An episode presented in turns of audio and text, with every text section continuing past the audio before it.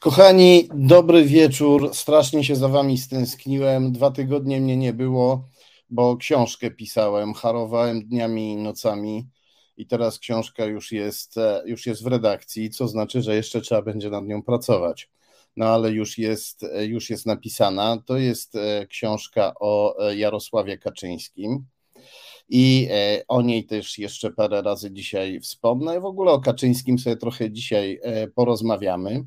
Porozmawiamy też o, o tym, jak Niemcy odbierają e, pomysł, że mają nam e, teraz płacić 6 e, bilionów złotych za to, co zrobili ich pradziadkowie. Pomysł oczywiście pisowski, no ale musimy zacząć od tego, że pojawiła się publikacja, która została przyjęta przez wszystkie media bardzo poważnie z takim, jakby to powiedzieć, nawet e, e, namaszczeniem. Media podeszły do niej odpowiedzialnie, zrozumiały wagę tej publikacji. Mianowicie chodzi o to, że pewien youtuber ogłosił, że ktoś kiedyś mu pokazał zdjęcie, na którym Jarosław Kaczyński był pod prysznicem z innym mężczyzną. I e, tę wiadomość e, media potraktowały z dużą powagą, informowały o tym, że ten youtuber teraz ma proces i podczas procesu rozwijał wątek właśnie tego e, zdjęcia, które ktoś mu kiedyś pokazał. Nawet to było dokładnie tak, że on najpierw zaczął mówić o tym, że Jarosław Kaczyński jest homoseksualistą, a potem w trakcie procesu powiedział, że Ktoś mu kiedyś takie zdjęcie pokazał, nie dał mu tego zdjęcia, jeśli dobrze zrozumiałem, więc nie można było sprawdzić, czy to na przykład fotomontaż. No proszę Państwa, media bardzo tutaj poważnie podeszły do tej, e, do tej wiadomości. Ja się tak zastanawiam, co by było, gdybym ja ogłosił, że mam na przykład zdjęcie, na którym, e, nie że mam, nie że mam zdjęcie, że ktoś kiedyś pokazał mi zdjęcie, a potem je zabrał, na którym Jarosław Kaczyński przyjmował e, e, walizkę rubli od jakiegoś Rosjanina. No chociażby od Anatolija Wasina, zapewne wam znanego, z którym Kaczyński przez półtora roku e, pił alkohol i rozmawiał o wielkiej polityce. To jest fakt sprawdzony. Sam Kaczyński się do niego przyznaje, choć kłamie o różnych okolicznościach dotyczących tego spotkania. Pamiętamy sprawę, pamiętamy Anatolija Wasina, wytrawnego szpiega KGB, z którym Kaczyński się spotykał i omawiał sprawy najważniejsze. No więc gdybym powiedział, że ktoś mi kiedyś pokazał zdjęcie, na którym pan Wasin daje Kaczyńskiemu walizkę rubli albo dolarów, to media by mnie e, rozszarpały. I słusznie. A gdybym e, powiedział, że mam zdjęcie, na którym e, Kaczyński, nie że mam zdjęcie, że ktoś kiedyś pokazał mi zdjęcia, potem zabrał, na którym Kaczyński był pod prysznicem z innym mężczyzną. I to e, tego zdjęcia nie dostałem, więc nie wiem nawet, czy to był fotomontaż, ale o tym opowiadam, nie, na dowód, jakoby Kaczyński był homoseksualistą. Gdybym coś takiego zrobił, to e, media prawdopodobnie rozszarpałyby mnie podwójnie i słusznie bo mm, to jest bardzo głupi pomysł, żeby rosyjskiego e, Kaczyńskiego zwalczać rosyjską homofobią. No, PiS i Kaczyńskiego zawdzięczamy Rosjanom i homofobię też promują e, Rosjanie. To, czy Kaczyński jest homoseksualistą, interesuje mnie w stopniu znikomym, tylko tyle, że ktoś mógłby go tym szantażować. To jest jedyna, jedyny aspekt tej sprawy, który mógłby mnie interesować. E, nie mam zamiaru e, i odradzam wszystkim serdecznie wchodzić w taki ruski kanał, jakim jest zwalczanie ruskiego kaczora ruską homofobią mówiąc, e, mówiąc dosadnie, bo to jest świetny pomysł na to, to jest świetna, to jest świetna recepta na to, żeby już wszystko nam się pomyliło i żebyśmy próbując walczyć z putinowską Rosją, równocześnie służyli putinowskiej Rosji. Na pewno w Rosji bardzo się cieszą e, z tego, że niektórzy z nas popadają właśnie w takie e, zamieszanie, że niektórym się tak pojęcia i wartości i wartości mieszają. No więc gdybym ja coś takiego zrobił, to prawdopodobnie zostałbym przez media rozszarpany i słusznie. No, ale jak wiadomo, co wolno księciu, nie wolno prosięciu. Są tacy ludzie, którym takie rzeczy uchodzą na sucho i poważne media, media e, liberalne, media lewicowe, media podobno prozachodnie, e, traktują, traktują ich wybryki bardzo poważnie. Takim człowiekiem jest Jan Piński, który czym sobie Jan Piński zasłużył na coś takiego? No tym, że na przykład pracował w obrzydliwym szmatławcu, który się nazywa Warszawska Gazeta. To jest chyba najbardziej E, antysemicka gazeta w Polsce, również antyzachodnia. Tam można było przeczytać, że katastrofę smoleńską spowodowali Amerykanie, proszę sobie wyobrazić. Identyczną teorię lansuje e, znany nam Grzegorz Braun, o którym już tutaj mówiliśmy wielokrotnie, o podróżach Brauna do Moskwy, o tym, jak się tam spotykał z rosyjskim szpiegiem i propagandzistą Leonidem Sfiridowem. No i patrzcie Państwo, tak się dziwnie składa, i tu poproszę o skan numer jeden, który przygotowałem na dzisiaj, że Grzegorz Braun razem z Janem Pińskim wydał książkę Kto tu rządzi. Grzegorz Braun, kto tu rządzi, rozmawiał Jan Piński. I na tym nie koniec. Poproszę o kolejny skan. Grzegorz Braun z Janem Pińskim wydał też książkę A nie mówiłem. Więc e, żeby być poważnie traktowanym przez poważne media i, i żeby e, nawet, e, jakby to powiedzieć, najbardziej fekalnego fake newsa, przepraszam za tę grę słów, sprzedać wszystkim poważnym mediom, trzeba być kolegą Grzegorza Brauna i, i byłym dziennikarzem antysemickiego szmatławca. Wtedy człowieka biorą na poważnie. Tutaj jest komentarz, Jan Piński trochę e, odleciał, chodzi o zasięgi, ale Jan Piński od dawna odlatuje, on sobie może odlatywać, on e, to człowiek, który też wprowadza zamieszanie w naszych głowach, nie tylko pod e, względem homofobii i rzekomego homoseksualizmu, czy domniemanego homoseksualizmu Kaczyńskiego. To człowiek, który twierdzi, że zwalcza rosyjskie wpływy w PiS, ale wskazówki, które zamieszcza w swoich publikacjach. Ja próbowałem je badać, no i e, one mi się w większości wypadków nie, nie potwierdzały. Dlatego od Jana Pińskiego trzymajmy się jak najdalej i kończę już z Janem Pińskim, ponieważ tak się zdarzyło, że pojawiła się również inna publikacja. Publikacja naprawdę ważna, e, wywiad opublikowany przez Gazetę Wyborczą z byłym szefem służby kontrwywiadu wojskowego, generałem Piotrem Pytlem, tak, już mamy kolejny skan, to jest nagłówek i zdjęcie. Generał Piotr Pytel mówi: Rosja już tu jest, jej największym sukcesem w Polsce jest PiS. Kochani, każdy z nas, uważam, że każdy z nas ma obowiązek przeczytać ten e, wywiad. On jest e, długi, e, ale on jest bardzo treściwy i generał Pytel mówi tam y, nie tylko te rzeczy, które na przykład ja, Marcin Celiński i Grzegorz Rzeczkowski mówimy od lat, mówi też nowe rzeczy, mówi rzeczy mocne, jeszcze mocniejsze. I nic dziwnego, bo generał Pytel ma większą wiedzę niż o tych sprawach niż e, ja i e, paru jeszcze innych kolegów. E, pamiętam, jak kilkakrotnie rozmawiałem z generałem Pytlem, konsultowałem się z nim on mi kiedyś powiedział, że pewną esbecką teczkę e, paszportową, e, tak zwaną teczkę paszportową źle zinterpretowałem. Chciałem mu powiedzieć, panie generale, ja w swoim życiu przeczytałem 500 teczek paszportowych, więc chyba wiem, jak się je interpretuje, ale nie zdążyłem, bo generał mi powiedział, bo kiedy ja zaczynałem pracę w służbach, to na początek przeczytałem kilka tysięcy teczek paszportowych.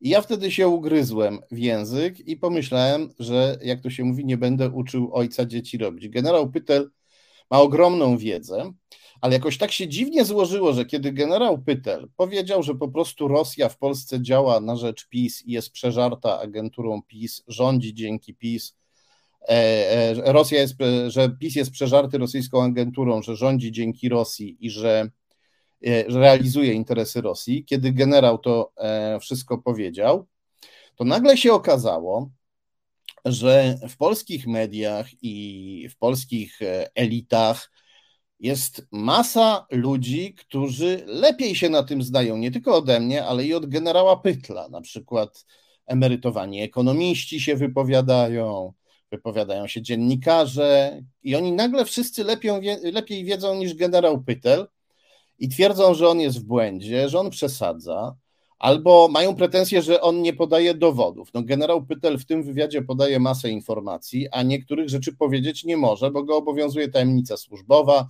także tajemnica śledztwa, ponieważ jest e, prześladowany sądownie przez PiS, e, przez pisowską prokuraturę i, e, i oni się od niego domagają jeszcze więcej dowodów. No kochani, ja mam taką propozycję.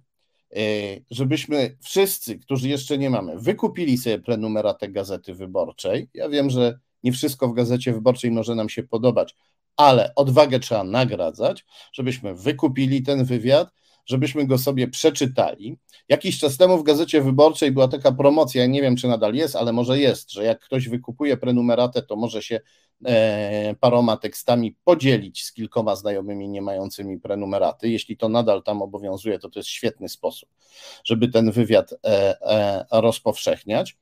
A jeżeli ktoś po przeczytaniu tego wywiadu powie wam, ale ja chciałbym więcej dowodów, no to wtedy trzeba mu powiedzieć, kochany, wejdź sobie na stronę wydawnictwa Arbitror. E, tam są książki Grzegorza Rzeczkowskiego, e, Tomasza Piątka, Tomasza Piątka i Marcina Celińskiego.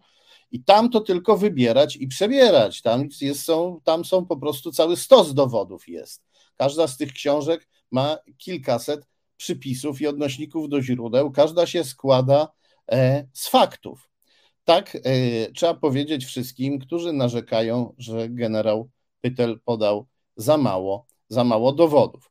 Ja jestem e, tutaj w, e, w szoku trochę, jak patrzę na te reakcje, no ale z drugiej strony widziałem reakcje na moje własne publikacje i publikacje Rzeczkowskiego. E, widziałem to nieustanne chowanie głowy w piasek.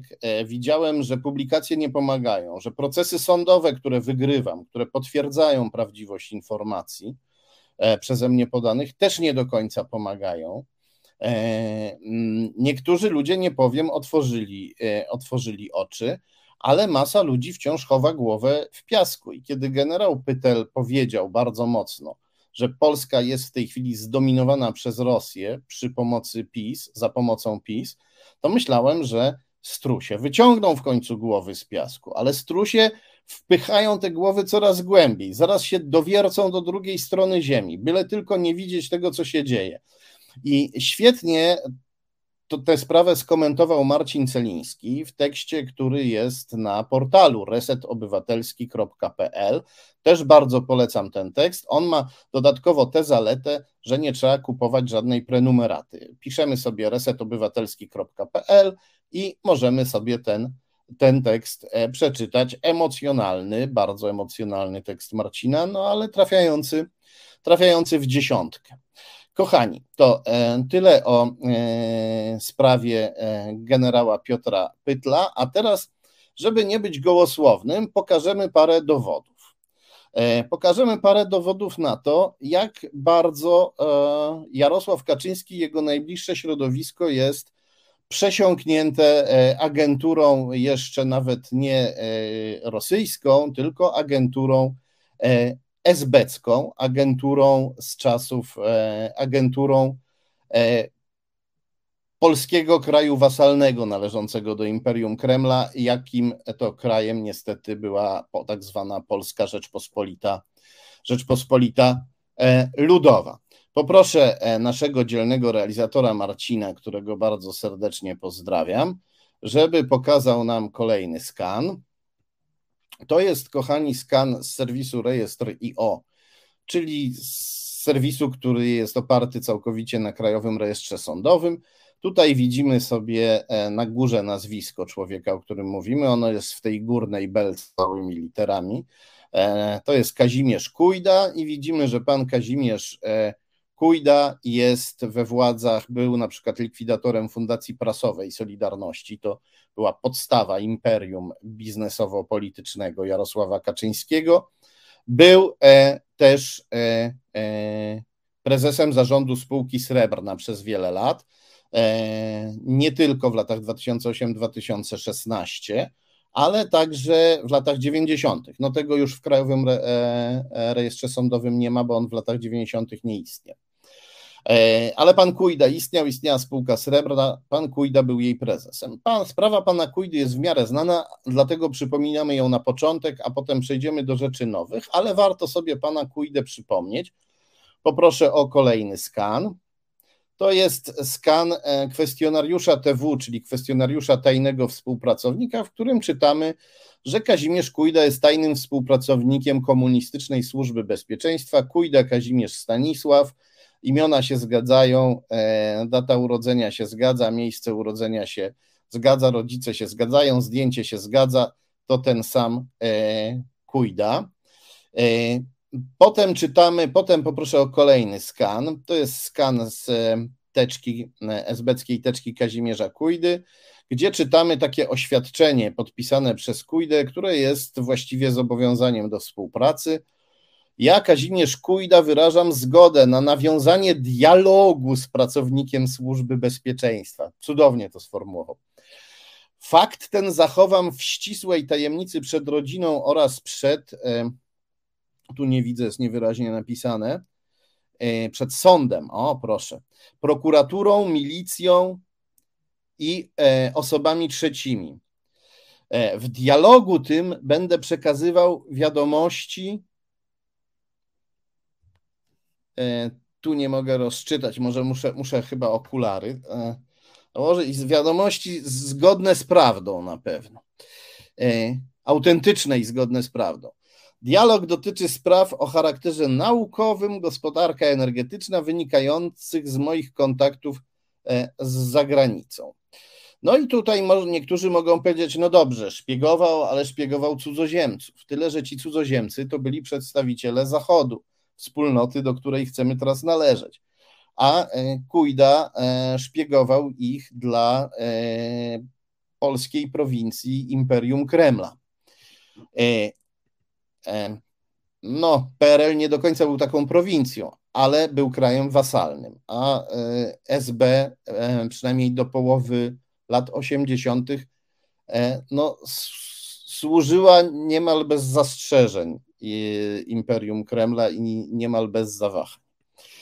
E, dobrze, poproszę o kolejny skan, ponieważ Usłyszeliśmy tutaj taką piękną formułę, że to będzie dialog o charakterze naukowym, że to będzie, czyli to będzie jakby wywiad naukowy, coś w tym rodzaju. Kujda będzie e, opowiadał o sprawach energetyki, więc może o sprawach, które się Polsce jakoś przysłużą. No to tak pięknie brzmiało, ale w praktyce to wyglądało trochę inaczej. Na tym skanie, który widzimy, widzimy e, donosy e, dotyczące osób, także obywateli polskich, także Polaków, których Kujda spotykał w trakcie swoich podróży zagranicznych, donosy bardzo szczegółowe. To nie są jakieś tajemnice energetyczne wykradzione na Zachodzie, żeby polska energetyka działała lepiej. Kujda tutaj pisze, że spotkał e, jakichś e, Polaków w podróży, mówili, że ich e, e, praca jest ciekawa. Donosił na Tadeusza Tchórzewskiego, członka rodziny Tchórzewskich, z którą Kujda był wówczas zaprzyjaźniony i przyjaźnił się przez następne, przez następne dziesięciolecia. No więc tak wyglądał ten dialog naukowy Kujdy z, z Esbecją. Kujdy, który e, był prezesem najważniejszej spółki Kaczyńskiego, spółki Srebrna, która daje Kaczyńskiemu pieniądze, która pozwala mu prowadzić działalność polityczną, a także jeść ubrać się i nakarmić swoje, i nakarmić swoje koty. No, tej, w tej chwili teraz Kaczyńskiemu płaci państwo su te pieniądze, no ale zanim zdobył władzę, to bez srebrnej Kaczyński byłby nikim bez srebrnej i bez e, pomocy Kujdy. Poproszę o kolejny skan. To już e, będzie ostatni skan dotyczący Kujdy. To jest e, zobowiązanie, jakie Kujda podpisał, gdy wyjeżdżał na E, staż do Austrii w latach 81-82, zobowiązał się tam, że będzie szpiegował austriacką firmę CEW w Wiedniu. Kujda współpracował z kontrwywiadem, ale jak widać, ten kontrwywiad zlecał mu zadania nie kontrwywiadowcze, tylko po prostu wywiadowcze na, na, szkodę, na szkodę Zachodu. No i przypadek Kujdy jest znany. Został opisany przez, e, przez prasę. Ja pisałem o nim w gazecie wyborczej. E, napisałem takie duże artykuły, bo byłem e, w IPN-ie, kiedy teczka Kujdy e, okazało się, że już jest dostępna, bo wcześniej była zatajona przez, przed badaczami. Gazeta Wyborcza zadzwoniła do mnie, poprosiła, żebym szybko zamówił teczkę Kujdy. Zamówiłem, przeczytałem, napisałem artykuły. E, nie pamiętam, żeby cytowano mnie imiennie, żeby pisano, że to Tomasz Piątek przeczytał pierwszy teczkę Kujdy, no ale cóż, nie jestem Janem Pińskim, więc nie mogę na takie tutaj e, e, rzeczy, e, na takie zaszczyty oczekiwać. Gdybym pisał do antysemickiego szmatławca i przyjaźnił się z rosyjskim agentem wpływu Grzegorzem Braunem, no to być może byłoby inaczej, wtedy może media potraktowałyby mnie poważnie. Ale ja tu się nie żalę, ja tutaj sobie tylko żartuję. Kujda to przypadek znany, ale takich przypadków było, e, jest więcej. Poproszę o kolejny skan. E, skan z e, Krajowego Rejestru Sądowego, a dokładnie z serwisu rejestr IO. Widzimy tutaj, że w Radzie Nadzorczej od spółki Srebrna, spółki, która daje Kaczyńskiemu jeść, ubrać się i prowadzić działalność polityczną, widzimy, że w Radzie Nadzorczej tej spółki e, zasiada Mirosława Romanowska, urodzona 4 lutego 1954 roku. 4 luty 54. I poproszę o kolejny skan, bo tak się składa, że w Instytucie Pamięci Narodowej znajdujemy Mirosławę Romanowską, urodzoną 4 lutego 54 roku.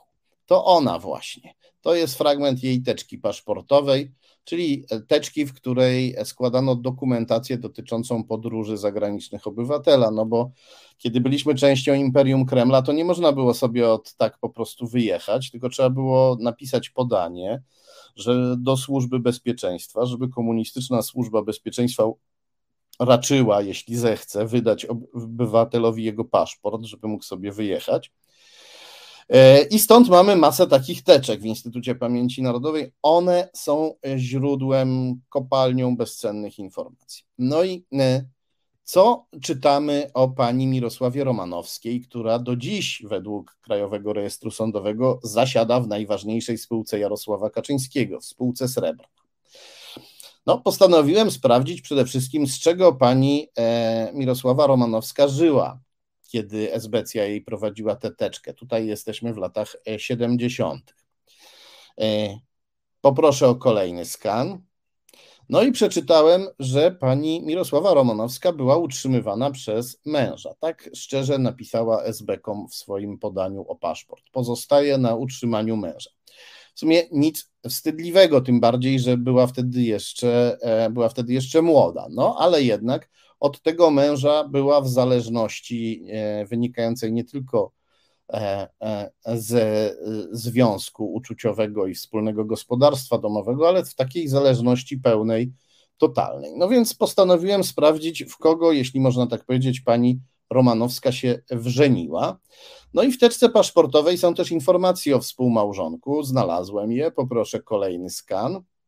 Okazuje się, że mąż pani Romanowskiej, która ciągle zasiada w głównej spółce Jarosława Kaczyńskiego, Edward Wacław Romanowski, pracował wtedy w MSW, czyli w Ministerstwie Spraw Wewnętrznych, czyli w głównej centrali e, komunistycznej służby bezpieczeństwa. Poproszę o kolejny skan. E, oczywiście zamówiłem teczkę Edwarda e, Romanowskiego, Edwarda Wacława Romanowskiego i co się okazało? Widzimy tutaj na tak zwanej tabeli przebiegu służby Edwarda Romanowskiego, że on e, pracował w biurze W.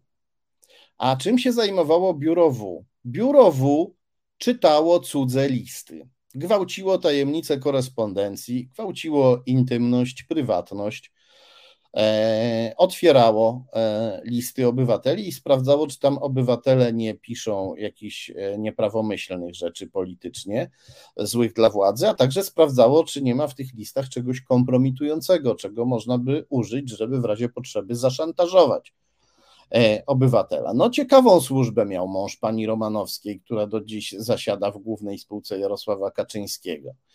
I, e, I pamiętajmy, że mówię tu nie tylko o e, związku miłosnym i nawet nie tylko o utrzymaniu pani Romanowskiej przez męża. Za czasów PRL, kiedy ktoś wychodził za SBK, no to to był wybór nie tylko miłosny. Możemy sobie mówić, że serce nie sługa, ale jednak to był wybór e, polityczny również w tamtej rzeczywistości. E, kiedy się wychodziło za kogoś, kto czytał cudze listy pokryjomu, żeby znaleźć w nich brudy do szantażowania, albo żeby kogoś złapać za słowo i, i, i, i, i, nękać później jako wroga ludu, no to to jest wybór również etyczny, to jest nie tylko wybór uczuciowy. E, co dalej robił? Jak dalej e, przebiegała kariera pana Romanowskiego? No, przez całe lata dzielnie pracował w biurze W i czytał cudze listy. Poproszę o o kolejny skan. I dopiero w 1989 roku, jak widzimy tutaj, to jest dalszy ciąg jego tabeli przebiegu służby, dopiero w 1989 roku przeszedł do Departamentu drugiego, czyli do kontrwywiadu. Tak dość e, zaszczytny awans, no ale w 1989 roku komunizm się kończył, kończyła się służba bezpieczeństwa. No dobrze. Mm, Sprawdziłem także, kim był ojciec Edwarda Wacława Romanowskiego. Poproszę o kolejny skan. W swojej teczce e, Edward Wacław Romanowski e, zgłosił, że jego ojciec nazywa się prawie tak samo, bo nazywa się Edward Romanowski bez Wacław i że też pracuje w MSW. No a poza tym należy do komunistycznej partii e, rządzącej PZPR, jak prawie wszyscy w MSW. W MSW, czyli w komunistycznym Ministerstwie Spraw Wewnętrznych w centrali komunistycznej służby bezpieczeństwa. E, oczywiście również zamówiłem teczkę e, teścia, no bo lubię wszystko posprawdzać do końca. Poproszę o kolejny skan. To jest e, to, co widać na okładce teczki teścia pani Romanowskiej, która zasiada w, do dziś w, głównej, w Radzie Nadzorczej Głównej Spółki Jarosława Kaczyńskiego. Czytamy, że Edward Romanowski był po prostu funkcjonariuszem SB. Sprawdziłem jego przebieg służby. Poproszę o kolejny skan. Najpierw był, e, zaczął służyć za czasów Stalinowskiego Urzędu Bezpieczeństwa. Stalinowski Urząd Bezpieczeństwa, poprzednik komunistycznej PRL-owskiej Służby Bezpieczeństwa, to była służba wyjątkowo brutalna, brutalna policja polityczna, okrutna, która torturowała ludzi zabijała ludzi, ale tam pan Romanowski był e, tylko zaopatrzeniowcem. Nawet jak go zrobiono funkcjonariuszem, to nadal zajmował się zaopatrzeniem.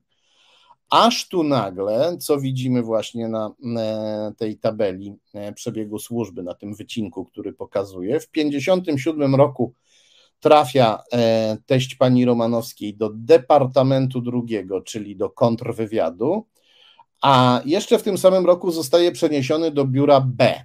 Czym zajmowało się biuro B? Jak pamiętamy, biuro W czytało listy, a biuro B, biuro B chodziło za ludźmi po ulicach, czyli e, prowadziło tak zwany wywiad uliczny. Szpiegowało obywateli, sprawdzało kto gdzie idzie, z kim się spotyka, no też w sumie służba wymagająca dużego samozaparcia, być może jeszcze większego niż nieustanne czytanie cudzych listów. E, jak dalej wyglądał przebieg służby pana e, Romanowskiego? Poproszę o kolejny skan. Trafił e, w latach 60. do Legionowa, do Centrum Wyszkolenia Ministerstwa Spraw Wewnętrznych szkolił się tam przez dwa lata, a potem znowu wrócił do biura B i w tym biurze B e, służył aż do końca swojej kariery. E, z pewnym ciekawym epizodem. Poproszę o kolejny skan, ponieważ w jego teczce znajdujemy pismo, w którym czytamy, że e, kapitan Edward Romanowski z biura B w 1978 roku został e, wysłany do Bagdadu. Przez kogo? Przez e, wiceministra spraw wewnętrznych generała Mirosława Milewskiego, który był po prostu szpiegiem KGB i e, wieloletnim szpiegiem KGB, jeszcze w latach 40. został zwerbowany, który do końca swojej, swoich dni, a na pewno do końca swojej pracy w MSW kontaktował się aż do lat 80 regularnie z Sowietami i przekazywał im tajemnice Polskiej Rzeczpospolitej Ludowej. I to człowiek również współodpowiedzialny za śmierć księdza Jerzego Popiełuszki, zamordowanego przez Esbeków. I tu się pojawia pytanie, po co ktoś taki wysłał doświadczonego wywiadowcę ulicznego do Bagdadu. Teoretycznie mm, Romanowski miał tam szyfrować e, tajne depesze, no ale Romanowski nie był szyfrantem, był natomiast znakomitym wywiadowcą ulicznym. Może chcieli, żeby trochę odpoczął od chodzenia po ulicach w ciepłym klimacie i posiedział sobie przy biurku, szyfrując depesze, ale być może ktoś taki jak Milewski wolał jednak wykorzystać w jakiś sposób w Bagdadzie uliczne talenty pana, pana Romanowskiego. E, I kto odwiedzał e, Romanowskiego seniora w Iraku? Poproszę o kolejny skan. Romanowskiego w Iraku na tej jego szpiegowsko-wywiadowczo, czy też może szyfranckiej misji odwiedzała Mirosława Romanowska, kiedy składa podanie o paszport, to właśnie składa podanie po to, żeby wyjechać do Iraku, do Edwarda Romanowskiego, e, teścia, e, oddelegowanego tam służbowo z Ministerstwa Spraw Zagranicznych, tak ona pisze, ale to była taka zasada, że ktoś, kto jechał, e, Esbek, który jechał na placówkę zagraniczną, dostawał tak zwany drugi etat w Ministerstwie Spraw Zagranicznych, choć przez cały czas pracował w MSW i w teczce E, pana Romanowskiego czytamy, że on przez cały czas, jak był w Iraku, był nadal e, funkcjonariuszem biura B, odpowiedzialnego za wywiad, za wywiad uliczny. To e, tyle, jeśli chodzi o Mirosławę Romanowską. Przejdźmy do kolejnej koleżanki Jarosława Kaczyńskiego ze spółki Srebrna. Poproszę o kolejny skan. To jest Hanna Ambrosz. Hanna Ambrosz, urodzona w 1931 roku, 31 sierpnia 1931 roku, która e, zasiadała e, w Radzie Nadzorczej Spółki Srebrna od 2001 do 2013 roku według KRS-u. Według KRS-u, który obejmuje tylko to, co się wydarzyło e, w nowym tysiącleciu, pamiętajmy. E, według KRS, czyli co najmniej przez, e, przez 14 lat w sumie, bo co najmniej przez 14 lat, jak tutaj patrzę dokładnie na daty, pani Ambroż zasiadała w Radzie Nadzorczej Głównej Spółki Jarosława Kaczyńskiego. I pani Ambroż również udzielała się publicznie. Poproszę o kolejny skan. To jest skan z pisowskiego portalu propagandowego w polityce.pl. E, czytamy tam, że e, za dawnych czasów, kiedy rządziła Platforma Obywatelska, profesor Hanna Ambrosz opublikowała list otwarty do ludzi, którzy wtedy uciekali z partii Jarosława Kaczyńskiego i moim zdaniem robili dobrze. E, I pisze do nich pani Ambrosz tak. Szanowni Państwo, wierzyć mi się nie chce, że nie zdajecie sobie sprawy ze zła, które uczyniliście Polsce oraz prawu i sprawiedliwości walczącemu o prawdę w zakłamanej Polsce? Czy nie zauważyliście, że opanowując media, wyrzucając niezależnych i inaczej myślących dziennikarzy, PO pozbawiła Polaków dostępu do rzetelnych informacji? No, dzisiaj to chce się i, płakać, i płakać, i śmiać równocześnie, kiedy się czyta o tym, jakoby to e, PO pozbawiała Polaków dostępu do rzetelnych informacji. Za platformy e, te media publiczne idealne nie były, ale były mediami publicznymi, e, a teraz w mediach publicznych PiS wylewa na nas ściek nienawiści, e, nienawiści i kłamstwa. No dobrze. Więc skoro tutaj pani Hanna udziela się biznesowo w spółce Kaczyńskiego i wspiera go również propagandowo, to zamówiłem teczkę pani Ambroż w Instytucie Pamięci Narodowej. Znowu to była teczka paszportowa. Poproszę o kolejny e, skan. Tak, to jest okładka tej teczki. Czytamy Ambroż, Hanna, 31 sierpnia, 31 rok. Wszystko się zgadza. Imię, nazwisko, data urodzenia. Poproszę o kolejny skan. I z teczki się dowiadujemy, że pani Hanna Ambroż za czasów komunistycznych pracowała w metaleksporcie, była głównym specjalistą w centrali handlu zagranicznego Metaleksport, a tam trafiali tylko ludzie zaufani dla reżimu.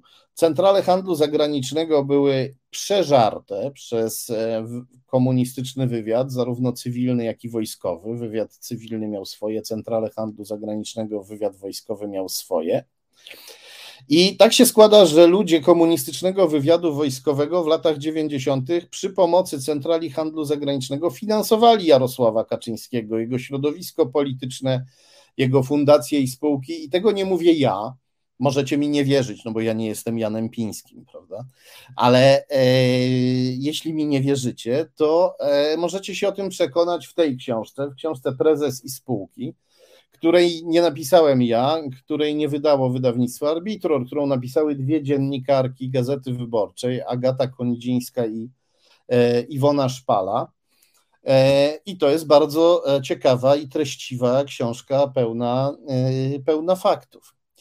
E, no, ale są też inne źródła, które opowiadają o tych sprawach jeszcze dogłębniej i o tych źródłach też sobie kiedyś porozmawiamy oraz o ich informacjach.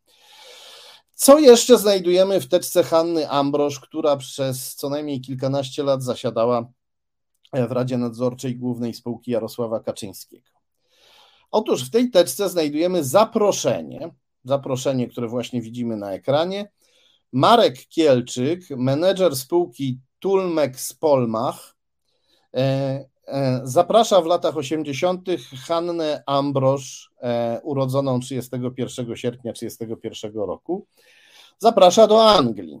No bo wtedy, żeby wyjechać za granicę, to trudno było wyjechać, jeśli nie miało się na przykład kogoś z zagranicy, kto zapraszał. E, Marek Kielczyk zaprasza Hannę Ambrosz. Firma Tulmex Polmach jest związana z Metalexportem, to jest taka odnoga Metalexportu, którą Metalexport założył sobie w, e, w Wielkiej Brytanii. Więc e, kim jest pan Marek Kielczyk dla Hanny Ambrosz? Prawdopodobnie kolegą z pracy, no ale sprawdźmy to. Poproszę o kolejny skan. I w kolejnym skanie czytamy, że faktycznie pan Kielczyk, e, Marek Kielczyk został oddelegowany do Anglii przez Metal Export na placówkę zagraniczną e, i jest przyjacielem po prostu. Znaczy nie tylko kolegą z pracy, jest też przyjacielem pani Hanny Ambroż. No dobrze, kim był ten e, przyjaciel? Poproszę o kolejny skan. To jest skan z archiwum Cyfrowego Instytutu Pamięci Narodowej. Czytamy tu, że Marek Kielczyk figuruje w teczce dotyczącej kandydatów na współpracowników wywiadu wojskowego i osób rozpracowywanych pod kątem ich operacyjnego e, wykorzystania. E, czyli też jakby e, kandydatów, jeśli nie na agentów, to na narzędzia wywiadu wojskowego, czyli na nieświadomych agentów. No dobrze, ale to, że ktoś jest kandydatem, to jeszcze nie jest e, samo w sobie obciążające. To interesująca okoliczność, którą trzeba odnotować, ale może tego biednego Kielczyka służby e, molestowały, bo infiltrowały te centrale handlu zagranicznego, uwzięły się na niego, a może on nie chciał ze służbami mieć nic wspólnego. No bywały też takie przypadki, że niektórzy ludzie się oparli Werbunkowi. Udało im się odeprzeć. No dobrze, być może pan Kielczyk wtedy był napastowany przez wywiad, molestowany w sensie w tym sensie, że wywiad próbował go werbować, ale potem nie miał z tymi sprawami już nic wspólnego. Zobaczmy. Sprawdziłem pana Kielczyka w Krajowym Rejestrze Sądowym. Poproszę o kolejny skan. E, dziękuję. Widzimy, że Marek Paweł Kielczyk figuruje w dwóch firmach jako e, prezes, jako wspólnik, e, jako likwidator później. Obie te firmy nazywają się Targa i poproszę o kolejny skan, gdyż w drugiej z tych firm e, Marek Kielczyk figuruje jako wspólnik razem z Michałem Kielczykiem. Marek Kielczyk, Michał Kielczyk, zapewne krewni, nie tylko partnerzy biznesowi, ale i krewni. Sprawdziłem również i Michała Kielczyka, ponieważ lubię drążyć sprawy do końca. Michał Kielczyk urodzony 2 października 1963 roku, więc e, młodszy znacznie od Marka Kielczyka, prawdopodobnie syn. wiceprezes zarządu i wspólnik w firmie, w firmie Targa. Data, październik, data urodzenia 2 października 63. No, zapamiętajmy sobie. No i sprawdziłem też oczywiście Michała e, Kielczyka e, w archiwum cyfrowym IPN. Poproszę o kolejny skan. No i co tam znalazłem? Faktycznie Michał Kielczyk, imię ojca Marek, czyli syn, data urodzenia 2 października 63, to ten sam. I jaką on tam mateczkę? On mateczkę, e, która się nazywa Akta Personalne Funkcjonariusz SB, funkcjonariusz Komunistycznej Służby Bezpieczeństwa. Michał Kielczyk był funkcjonariuszem Komunistycznej Służby Bezpieczeństwa. E, o ile udało mi się ustalić, przynajmniej przez jakiś czas pracował w jednostkach, które e, zajmowały się ochroną e, najważniejszych polityków i najważniejszych obiektów, obiektów rządowych. Czyli ten przyjaciel pani Ambrosz z Rady Nadzorczej najważniejszej spółki Kaczyńskiego, który E, zaprasza ją do Anglii, to człowiek, który nie tylko e, jest e, werbowany przez wywiad wojskowy, ale również ma SBK jako syna i partnera biznesowego. Bardzo ciekawe. Ale jeszcze ciekawsze jest to, co, się, co odkryjemy, kiedy przyjrzymy się, kiedy zajrzymy, zajrzymy głębiej w Krajowy Rejestr Sądowy i w informacje dotyczące spółki Srebrna? Poproszę o kolejny skan. To jest skan znowu z serwisu rejestry IO opartego na Krajowym Rejestrze Sądowym. Na górze w tej belce górnej małymi literami mamy napisane Srebrna. A e, poniżej widzimy, że organizacją zależną od spółki Srebrna, czyli należącą do niej, była e, firma o dźwięcznej nazwie Multibarman. Proszę. I od 2006 roku. No dobrze. A e, kto rządzi w tym multibarmanie? Oprócz tego, że rządzi tam firma Srebrna i pośrednio Jarosław Kaczyński.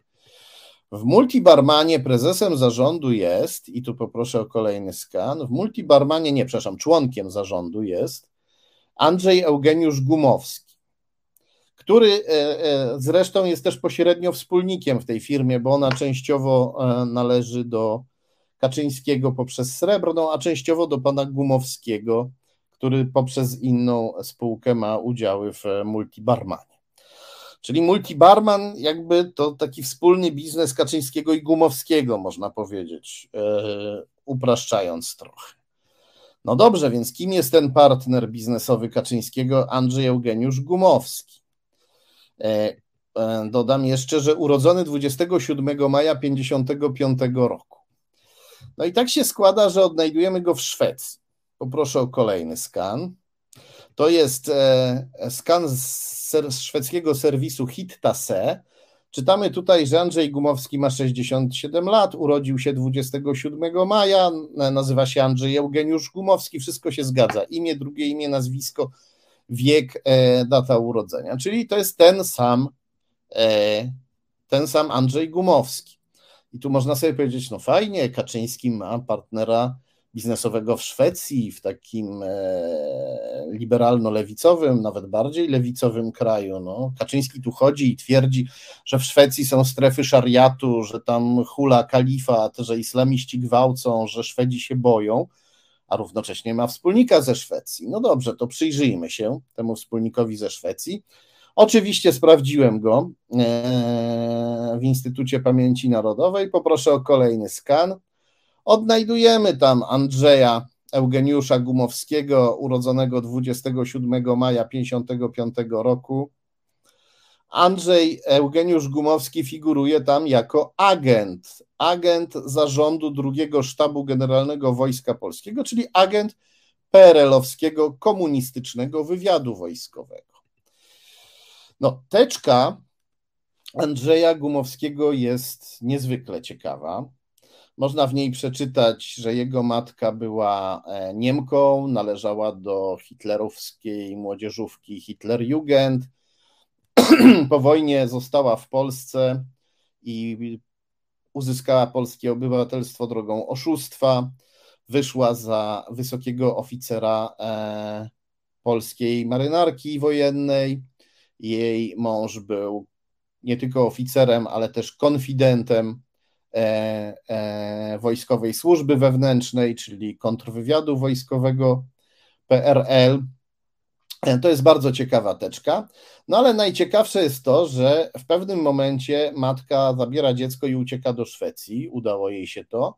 Chłopak e, rośnie w Szwecji, mały Andrzej Eugeniusz Gumowski, ma szwedzkie obywatelstwo i zostaje żołnierzem e, armii szwedzkiej. A kiedy chce przyjechać do Polski, bo zakochał się w Polsce i ma tutaj narzeczoną, to e, komunistyczny wywiad wojskowy PRL wykorzystuje to, żeby Andrzeja Eugeniusza Gumowskiego zwerbować.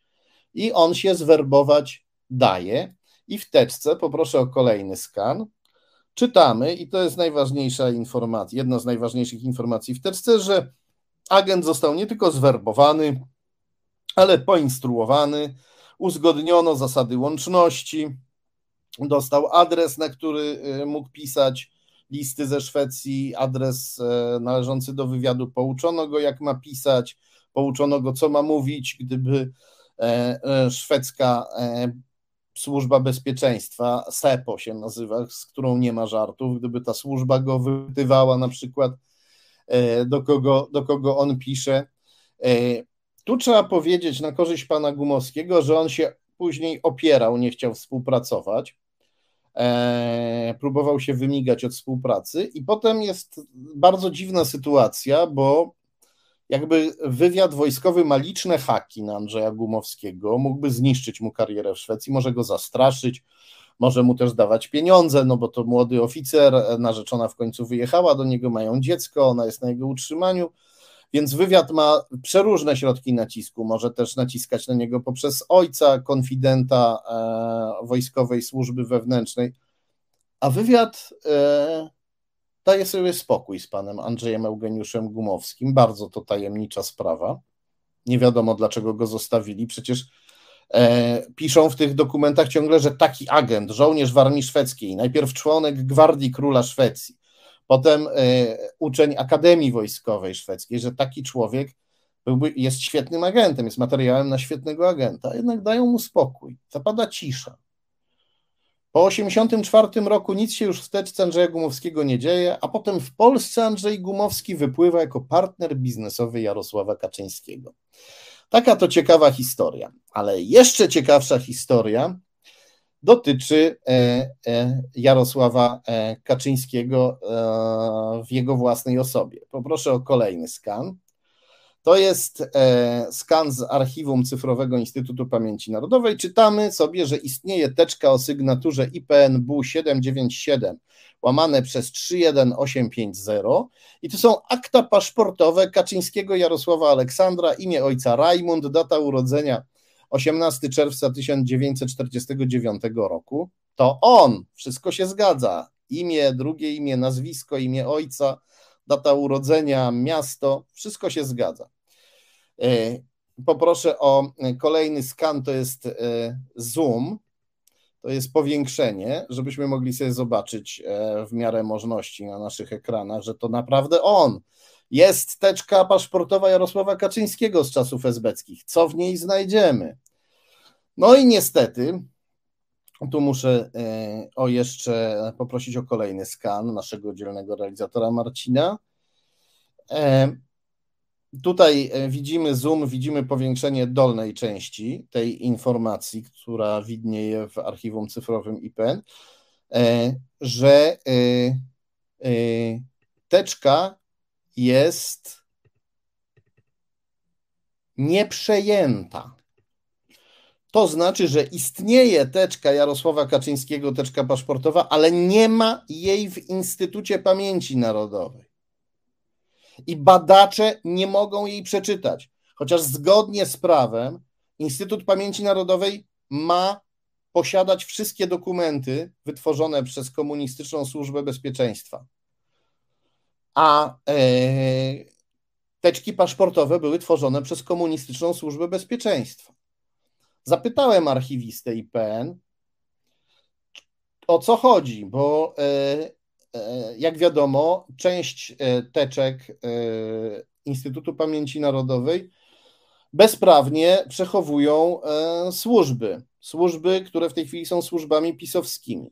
Trzymają sobie te teczki i zawarte w nich tajemnice. I IPN nawet jakoś się stara odzyskać te teczki, ale to, te starania są niemrawe i wyglądają bardziej na, na ustawkę, na to, że IPN tylko udaje, że chce je odzyskać. E, zapytałem e, archiwistę IPN, czy to znaczy, że teczka paszportowa Jarosława Kaczyńskiego e, leży w sejfach Agencji Bezpieczeństwa Wewnętrznego. Ciekawe, jakie tam są tajemnice, że postanowiono tę teczkę utajnić. Archiwista mi odpowiedział, że nie, że być może ta teczka ciągle e, gdzieś tam leży w jakichś e, dzisiejszych biurach paszportowych, bo zawiera dokumentację z czasów późniejszych, kiedy Kaczyński podróżował już za czasów trzeciej RP. No ale to jest e, odpowiedź, jakby to powiedzieć, no, w którą trudno uwierzyć, bo dokumenty wytworzone przez SB mają być w Instytucie Pamięci Narodowej, a nie, e, że tak powiem, e, pokrywać się kurzem w jakichś dzielnicowych urzędach. Zdarza się, że w teczkach wytworzonych przez SB są materiały z, czasów późniejszych, zostały do nich dołożone, dopisane jakieś rzeczy już za czasów wolnej Polski. Na przykład Urząd Ochrony Państwa czasem coś dopisywał do tych esbeckich teczek, bo je traktował jak swoje.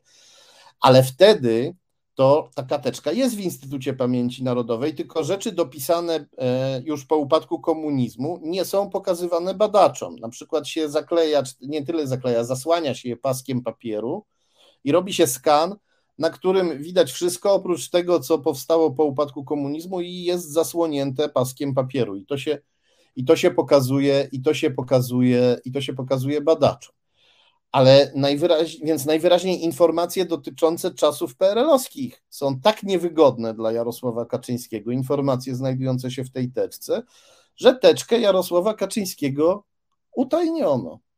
Utajniono. Co tam może być? Pomocna tutaj jest e, teczka matki Jarosława Kaczyńskiego, bo jej teczki paszportowej jeszcze nie utajniono, być może przez niedopatrzenie. Poproszę o kolejny skan to jest e, skan e, podania o paszport, które pisze e, Jadwiga Kaczyńska, kiedy w 1984 roku chce jechać do Austrii. Widzimy tutaj zdjęcie, widzimy imię, nazwisko, widzimy, że chodzi o październik 1984 roku. I poproszę o kolejny skan, już ostatni czytamy, że razem z nią do Austrii w 1984 roku wybiera się syn Jarosław Kaczyński.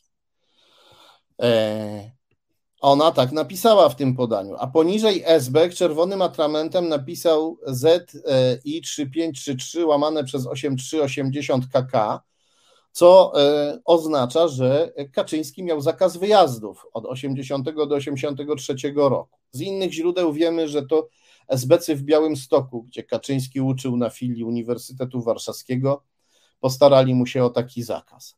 I kiedy SBek coś takiego pisze na czerwono, to znaczy uwaga, ten obywatel jest podejrzany. Niedawno mu się skończył zakaz wyjazdów. Trzeba sprawdzić u kolegów walczących z opozycją, czy oni przypadkiem nie zamierzają przedłużyć tego zakazu. Może nie należy tego człowieka wypuszczać za granicę, żeby tam nie knuł z kapitalistami w Austrii, w Wiedniu. W Wiedniu, w którym e, e, niedługo wcześniej, w Wiedniu, w którym dwa i pół roku wcześniej działał Kazimierz Kujda, konfident komunistycznego kontrwywiadu i prawa ręka e, Jarosława Kaczyńskiego w jego biznesach. Więc SBC piszą tutaj takie ostrzeżenie, a mimo to Jarosław Kaczyński dostaje paszport i wyjeżdża do Wiednia. Sam się do tego przyznaje w tej książce Porozumienie przeciw monowładzy aczkolwiek nie potrafi wyjaśnić, dlaczego on dostał e, paszport, a jego brat Lech Kaczyński nie. Rzuca tam w książce jakieś mętne ogólniki, z których nie wiadomo, dlaczego SBC zrobili taką różnicę między dwoma braćmi bliźniakami, że Lech nie pojedzie, a Jarosław sobie pojedzie. Być może odpowiedź na to pytanie znajduje się w teczce paszportowej Jarosława Kaczyńskiego, którą przed nami ukryto. i której powinniśmy się domagać, bo teczki paszportowe są bezcennym źródłem informacji. E, a jeśli chodzi o Jarosława Kaczyńskiego, ze względu na rolę, jaką odgrywa w naszym życiu, w naszym państwie, mamy prawo wiedzieć o nim wszystko. Kochani, tyle o e, Jarosławie Kaczyńskim e, na dziś. Za chwilę przerwa, za chwilę poproszę naszego dzielnego realizatora Marcina o 5, a może nawet 6 minut muzyki a potem porozmawiamy z naszym gościem z Niemiec, e, z Bastianem Zenhartem z Niemieckiego Instytutu Spraw Polskich. Porozmawiamy między innymi, to będzie punkt wyjścia naszej rozmowy, o 6 e, bilionach złotych, których Kaczyński żąda teraz od Niemiec, czyli o kolejnej prowokacji wobec naszego zachodniego e, sojusznika, prowokacji, którą Kaczyński stosuje w momencie, w którym my zachodnich sojuszników bardzo potrzebujemy, bo e, na wschodzie e, nasz wróg atakuje naszego e, sąsiada. O tym wszystkim za chwilę, ale najpierw muzyka. Kawa w kawiarni kosztuje Cię więcej niż miesięczne wsparcie resetu. Prosty wybór, prawda? Wejdź na resetobywatelski.pl i kliknij w Obywateluj z nami. Tomasz Piątek, Dochodzenie Prawdy. E, cieszę się bardzo, że wszyscy jesteście. Pozdrawiam Was bardzo serdecznie. Pozdrawiam Roberta Adamka, który jest naszym producentem wykonawczym, czyli sponsorem honorowym, sponsorem obywatelskim. Przypominam o łapkach. Pamiętajcie, dzięki lajkom więcej osób zobaczy te e, transmisje. Dzięki e, lajkom dotrzemy do większej liczby osób, no i oczywiście udostępnienia też się przydają. Zapraszam do studia naszego gościa, którym jest Bastian Zendard z e, Niemieckiego Instytutu Spraw Polskich. Dobry wieczór. Dobry wieczór. O, widzę tutaj logo Instytutu, Deutsche Polen Institut po niemiecku. E, to może zanim przejdziemy do sedna, czyli do 6 bilionów, to najpierw zapytam, czym jest e, e, Niemiecki Instytut Spraw Polskich, który po niemiecku nazywa się, jeśli dobrze pamiętam, Deutsche Polen Institut, bo no my tu w Polsce żyjemy w takim klimacie, że niektórzy się mogą zaniepokoić, że Niemcy, Germanie mają jakiś instytut, który się zajmuje naszymi polskimi, słowiańskimi sprawami. Niektórzy się mogą zaniepokoić, zamiast ucieszyć taką już tutaj e, wytworzono w Polsce histerię i paranoję. Więc najpierw poproszę o parę słów na temat Instytutu. Bardzo chętnie. No, wydaje mi się, że mm, to jest raczej um, potwierdzeniem ważności Polski um, no, dla Niemców, bo istnieje tylko jedyny taki instytut um, jeżeli chodzi o Polski, a drugi instytut to jest akurat um, instytut, um, który zajmuje się Francją. Więc generalnie wydaje mi się, to jest um, istnienie Niemieckiego Instytutu Spraw Polskich jest w pewien sposób wyrazem szacunku i zainteresowania spraw polskich z niemieckiego punktu widzenia. Fundatorem, założycielem naszego instytutu w latach w roku 1980 to był Karl Dedecius, bardzo znany między innymi tłumacz literatury polskiej, no i przez pierwsze parę lat, przez pierwsze parę dekad można powiedzieć, generalnie przybliżenie Niemcom um, Polski poprzez polską literaturę, no to był akurat um, sposób dla Niemców zachodnich, trzeba dodać, um, zapoznania się właśnie z no, wówczas dalekim sąsiadem, która była Polska. A, no, krótko mówiąc, od paru lat, powiedzmy od 10-15 lat, Instytut nasz zajmuje się bardziej też polityką, sprawami politycznymi. Od, o ile dobrze pamiętam, od 2017 roku mamy też biuro w Berlinie, no bo tu dzieje się niemiecka polityka. I jeżeli chodzi o nasze polityczne działanie, to oczywiście interesujemy się bardzo, co się dzieje w Polsce. Staramy się wytłumaczyć Niemcom, co się dzieje w Polsce, dlaczego to się dzieje. I od czasu do czasu um, jakiś polityk przedstawiciel niemieckiego rządu MSZ też pyta o nasze opinie w tych sprawach. No to, to ja podziwiam, bo ja tutaj w Polsce jako Polak bardzo często, bardzo długo nie rozumiałem, co się w Polsce dzieje i dlaczego się dzieje, dopóki nie zacząłem trafiać na pewne prawidłowości, z których wynika, że w Polsce niestety od paru lat dzieje się to, czego chce Rosja. Ale e, wy możecie mieć oczywiście inny punkt widzenia i inne przemyślenia, e, więc spytam, e, dlaczego waszym zdaniem pojawiło się coś takiego jak nagłe żądanie 6 bilionów złotych od Niemiec? No, bądźmy szczerzy, to aż tak nagłe to nie było. To Więc... prawda, bo Poseł, poseł Mularczyk jest taki poseł PiS, e, nie, on z Solidarnej Polski chyba był, on, on wędrował jakoś między tymi partiami, nie pamiętam teraz, on tak, on, e, e, on od lat tak głosi, że Polska powinna dostać reparacje od Niemiec. Więc tak cały czas um, gotuje się właśnie ten temat i w każdym momencie można to oczywiście odgrzewać od nowa. I tak się właśnie teraz stało. No i pytanie, dlaczego teraz właśnie zaprezentowany został ten raport, bo rozumiem, że o to, to jest właśnie o co um, panu tutaj chodzi. No, um, oczywiście możemy tylko um, zakładać, jakie są motywy, intencje aktorów.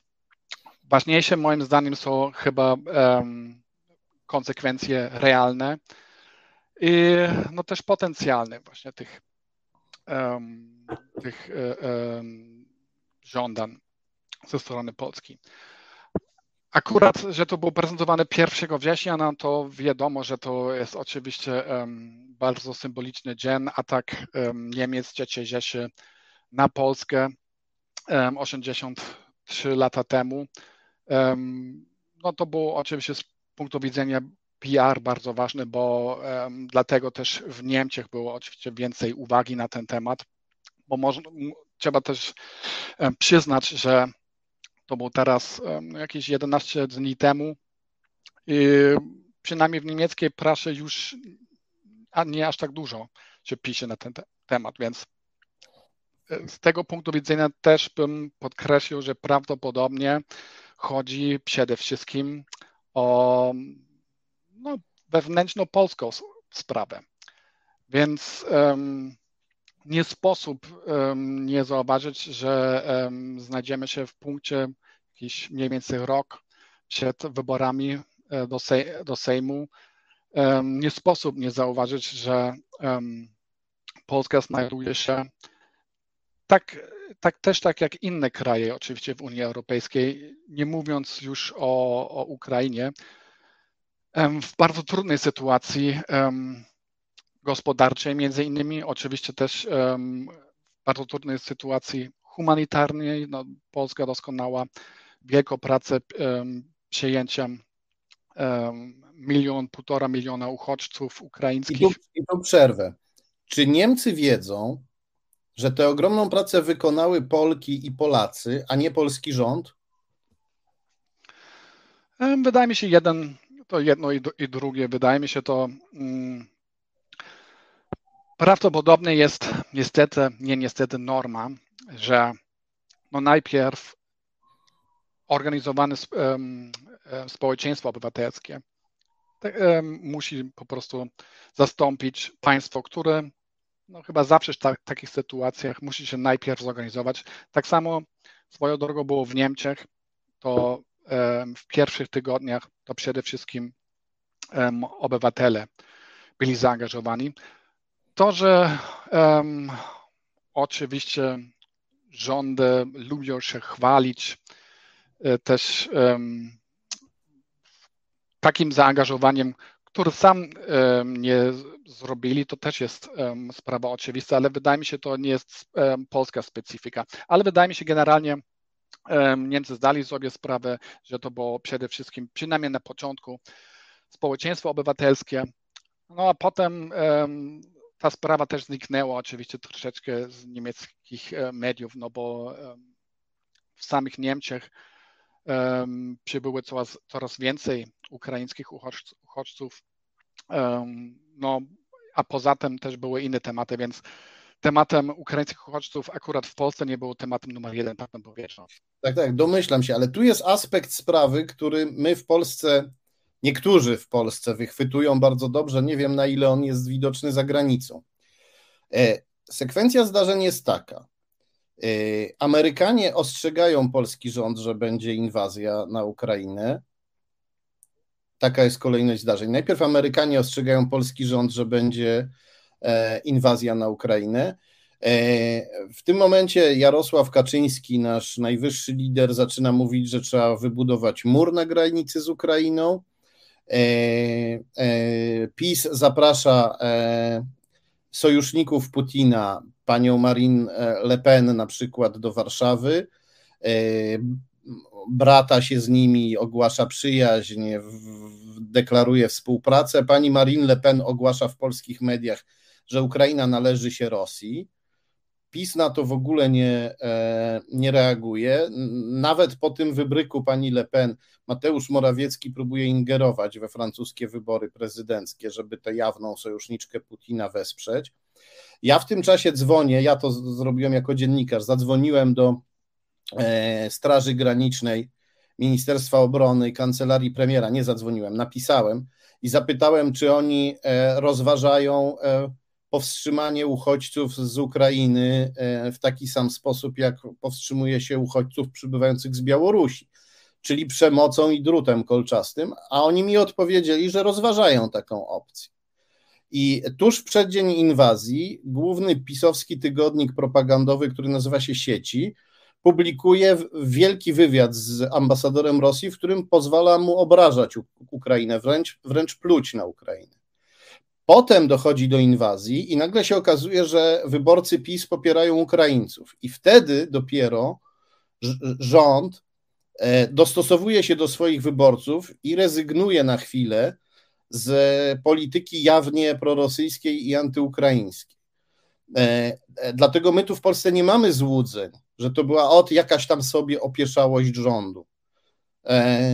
Ten rząd czasem się posługuje retoryką antyrosyjską, ale to jest rząd wrogi Ukrainie. Mieliśmy zresztą tego liczne przykłady i wcześniej, przez ostatnie, przez ostatnie lata, i to jest rząd, który realizuje politykę, e, politykę e, Putina. Ale wróćmy do 6 e, bilionów złotych. Mówi pan, że Niemcy to uznają za element polskich wewnętrznych rozgrywek kampanii wyborczej i to jest w bardzo dużej mierze prawda. No, używa się tego, żeby zohydzić jakby Niemców w oczach Polaków jako tych, co nie chcą płacić za swoje dawne grzechy, za grzechy swoich przodków, dziadków i pradziadków. E, zohydza się również w ten sposób, obrzydza się Polakom opozycję, bo ona jest prozachodnia i mówi się, że jest proniemiecka. I dodatkowo jeszcze się tłumaczy Polakom, dlaczego rząd PiS e, nie dostaje pieniędzy z Krajowego Funduszu Planu Odbudowy z Brukseli. Bo e, Bruksela nam go nie daje, bo PiS gwałci praworządność ale PiS e, w ten sposób, rozpętując tę awanturę o 6 bilionów, mówi: patrzcie, Zachód jest zdominowany przez Niemców, oni nie chcą nam dawać pieniędzy, bo nas nienawidzą, nie chcą zapłacić nawet za swoje dawne zbrodnie. I to wszystko ma swój aspekt e, wewnętrzno-wyborczy, bardzo ważny. Ale to jednak jakimś echem się rozlega na świecie. I Chciałem spytać o to, jak mogą zareagować niemieccy nacjonaliści, którzy no, nie są bardzo popularni w Niemczech, e, bo Niemcy dobrze przerobiły jakby lekcję historyczną o tym, jak szkodliwy jest nacjonalizm, no ale są ci nacjonaliści. I oni mogą powiedzieć, no dobrze, jeżeli Polacy mówią, że myśmy nie zapłacili za II wojnę światową, mimo że sobie zabrali nasze e, ziemię, E, Wrocław, Szczecin i tak dalej, to taki nacjonalista może powiedzieć, to znaczy, że e, Polacy nie chcą ziem, chcą pieniędzy, to może zapłaćmy te pieniądze i odbierzmy sobie Szczecin i Wrocław. Oczywiście to jest niemożliwe. Niemcy tego nie zrobią, ja wiem, nie, nie, mam, takich, nie mam takich obaw, ale dla niemieckich nacjonalistów to może być świetna okazja, żeby rozpętać jakąś taką awanturę na ten temat, żeby zacząć szerzyć znowu ten rewizjonizm historyczny dotyczący granic i żeby te bardzo szkodliwe idee jakoś tam na miarę swoich sił rozpropagować, na przykład zdobyć jakieś 5% więcej zwolenników niż mają teraz. No faktycznie tak jak pan mówi, nacjonaliści, jeżeli chcemy ich lokować, no to oni przede wszystkim znajdują się oczywiście dzisiaj w AfD, czyli w alternatywie dla Niemiec, nie mają zbyt dużo wpływu prawdopodobnie szczególnie na, na szczeblu federalnym. Ale prawda jest taka, że istnieje też no można to powie, można powiedzieć, no, jest no po prostu grono wypędzonych. I to nie zawsze są nacjonaliści, to są też konserwatyści, które też działają w różnych partiach politycznych. I generalnie no, w ostatnich latach stracili wpływu na niemiecką politykę.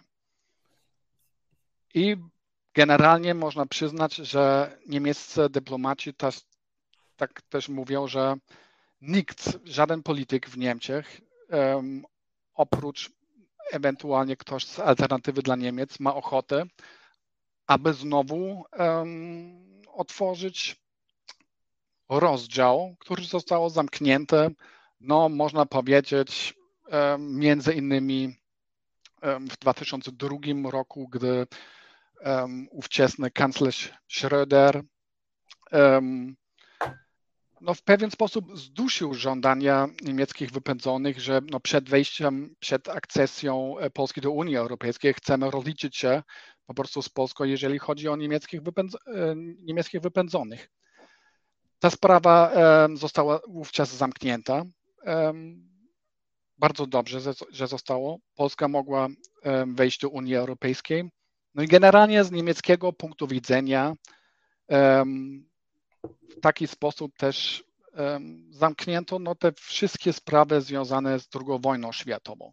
Czy słusznie, czy nie, to jest druga kwestia oczywiście. Bo wydaje mi się, że w Niemczech bardzo ważne też jest przyznać, że z niektórymi faktami, bo w porównaniu z innymi krajami, to faktem jest, że Niemcy nie aż tak dobrze się znają na tym, co się działo w Polsce w latach 39-45. E, nie za bardzo znają zbrodnie dokonane przez Niemców wówczas, więc z mojego punktu widzenia ja przychodzę do tego tematu z pewnym zrozumieniem, tak, bym powiedział, że polska strona w tej sprawie, jeżeli chodzi o, o drugą wojnę światową, nie może być zadowolona niemieckim stanowiskiem. No i można oczywiście argumentować, dlaczego się tak, tak doszło.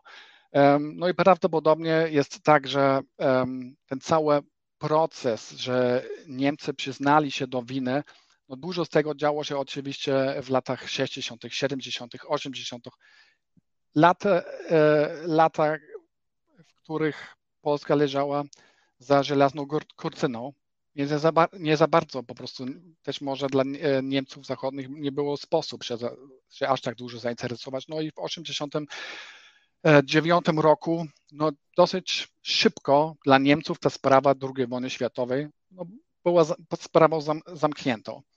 Ale pan ma oczywiście um, rację, że nigdy nie wiadomo do końca, jakie efekty oczywiście takie wypowiedzi mogą mieć. I no, trzeba przyznać, że z niemieckiego punktu widzenia to potwierdzają wypowiedzi niemieckiego ambasadora Bagera w TVN-ie, ale też ostatnio w Frankfurter Allgemeine Zeitung samego kanclerza Olafa Scholza.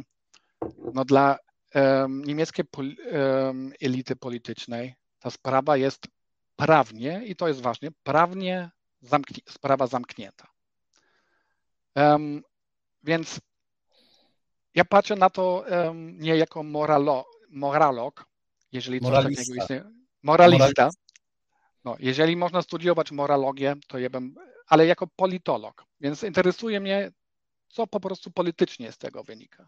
Więc z pewnego punktu widzenia, jeżeli Niemcy mówią, że ta sprawa jest zamknięta, eksperci i większość ekspertów do tej pory chyba mówi, że nie ma też sądu na tym świecie, który był, był po prostu odpowiedzialny na coś takiego. Więc jakie jest wyjście? No wtedy po prostu Polska, polski rząd ma opcję no, po prostu wywierać presję na Niemcy. No w jaki sposób można to dokonać? No tylko partnerami. No, jakimi par partnerami? No to muszą być partnerzy prawdopodobnie albo w NATO, albo w Unii Europejskiej. No i trudno znaleźć aż tak dużo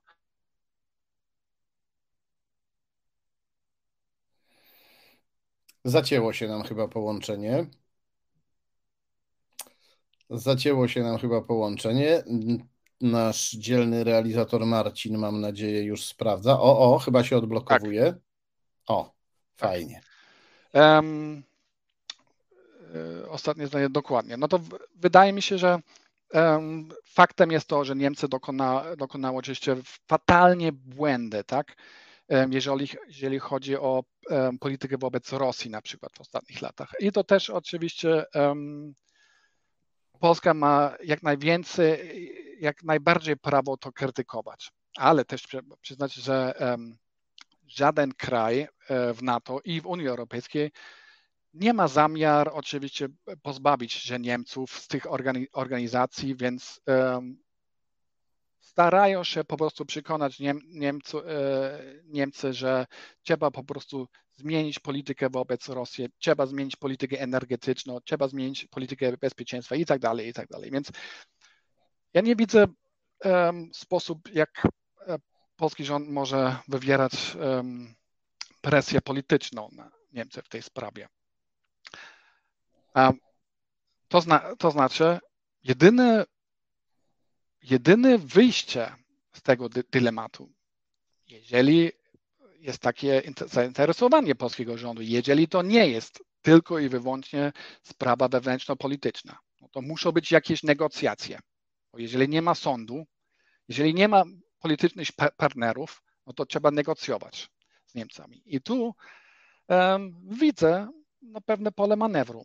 E, potwierdzono to też przez niemieckich polityków. Na przykład ostatnio w wywiadzie dla Gazety Wyborczej Dietmar Nitan, koordynator spraw polsko-niemieckich, niemieckiego rządu, no potwierdził, że Niemcy przyznają się oczywiście do moralnej odpowiedzialności za te wszystkie zbrodnie i generalnie jego zdaniem dobrze by było, gdyby powstał jakiś polsko-niemiecki fundusz. Jeżeli by było odszkodzenie dla jeszcze żyjących ofiar II, II e, wojny światowej w Polsce i tak dalej, i tak dalej. Odszkodowa tak, odszkodowan. I wydaje mi się, że jest, no jest pole po prostu do, do negocjacji, tylko do tej pory nie widzę z polskiej strony żadnych żadnych kroków po prostu w tym kierunku.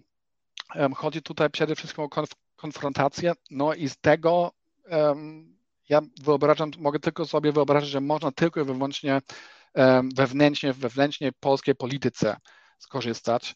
Na pewno nie w tej chwili na arenie międzynarodowej. Bo y tutaj jakby PiS, nasza partia rządząca, nasza jak nasza, no ale partia rządząca w Polsce, to są sprytni ludzie, którzy świetnie udają idiotów, ale są sprytni, oni wiedzą, że e, pole do manewru mają bardzo ograniczone, wiedzą, że tych 6 bilionów nie dostaną, natomiast wiedzą, że, że będą mogli w ten sposób usprawiedliwiać e, e, biedę, w którą Polskę teraz wpędzili, no bo porozkradali bardzo dużo, a jeszcze więcej zniszczyli. Zniszczyli naszą gospodarkę, zdestabilizowali pieniądz i teraz, kiedy zaczyna nam y, ta drożyzna, zaczyna naprawdę nam dolegać, to będą mogli mówić, że bieda jest winą Niemców, bo kiedyś na nas napadli, a teraz nie chcą nam dać pieniędzy. Jak gdyby te pieniądze dali, gdyby zapłacili za swoje grzechy, to znowu byłby, znowu byłby dobrobyt. Oni się posługują takimi prostymi chwytami, które dla nas brzmią głupio, ale dla ich wyborców brzmią bardzo, y, bardzo przekonujące i oni, i oni o tym wiedzą.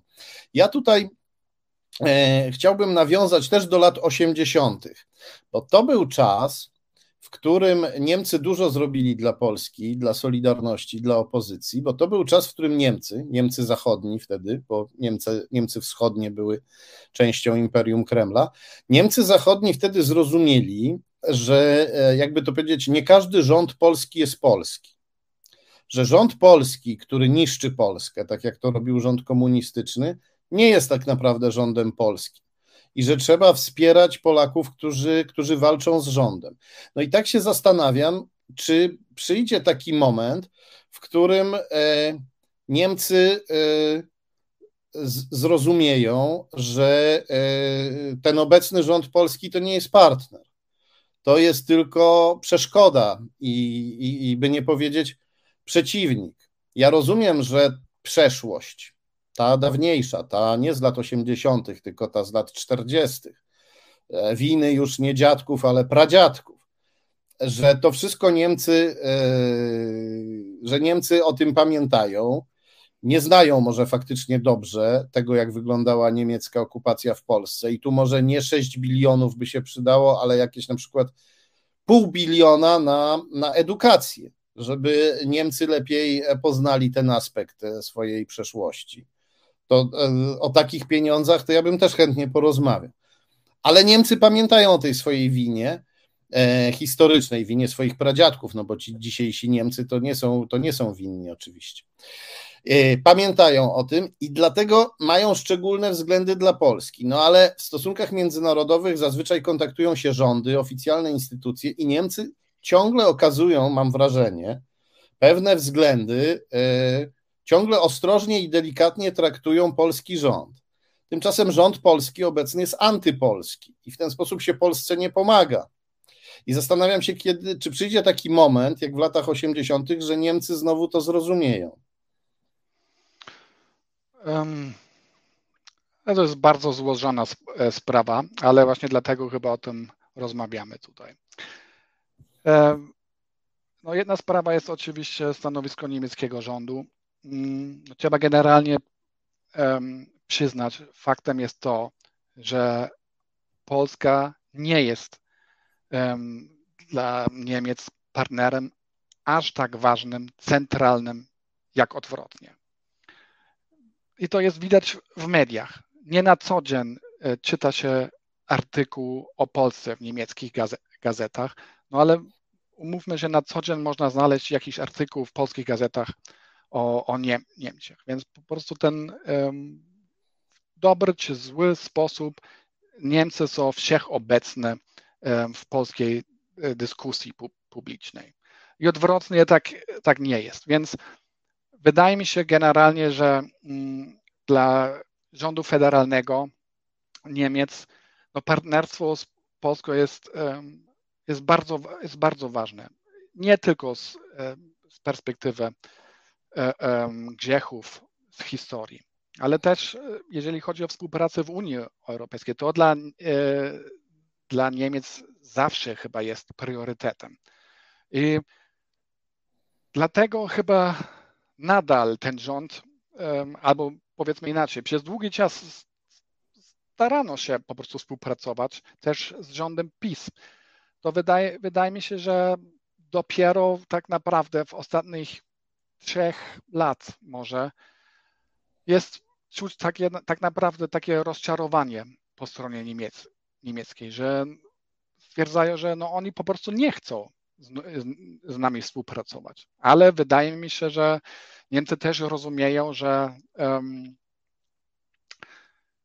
z tym rządem będzie trudno, no ale o ile e, w Polsce odbywają się jeszcze wybory, jest zawsze e, możliwość zmiana rządu, więc liczą na to, że na lepszą przyszłość po prostu liczą. I jednocześnie, moim zdaniem, starają się oczywiście zachować stosunki polsko-niemieckie, jeżeli chodzi o szczebel społeczeństwa obywatelskiego, jeżeli chodzi o szczebel ekonomicznego, no bo nie, po, relacje polsko-niemieckie to są nie tylko relacje między niemieckim rządem a rządem PiSu. Um, jeżeli chodzi o niemieckie społeczeństwo, to wydaje mi się, że um, dla nich no, oni postrzegają Polskę oczywiście przede wszystkim no, jako kraj, który robi problemy w Unii Europejskiej, a Niemcy po prostu nie mają takiej perspektywy, nie czują się winni e, z powodu historii. Niemcy dokonały pewien proces zdystansowania się od III Rzeszy, co jest oczywiście pozytywne z jednej strony. No każdy może się dzisiaj cieszyć, że Niemcy już nie chcą sobie utożsamiać e, z nazistami. Z nazistami. Z drugiej punktu widzenia, szczególnie jeżeli chodzi o um, stosunki polsko-niemieckie, no to jest um, ja mam wrażenie, że często Polacy czują pewien dyskomfort, że Niemcy nie zawsze myślą o sobie w kontakcie z Polakami jako spadkobiercy sprawców zbrodni w Polsce, tak? A po drugiej stronie no Polacy bardzo się, bardzo mocno identyfikują się oczywiście z, z rolą ofiar.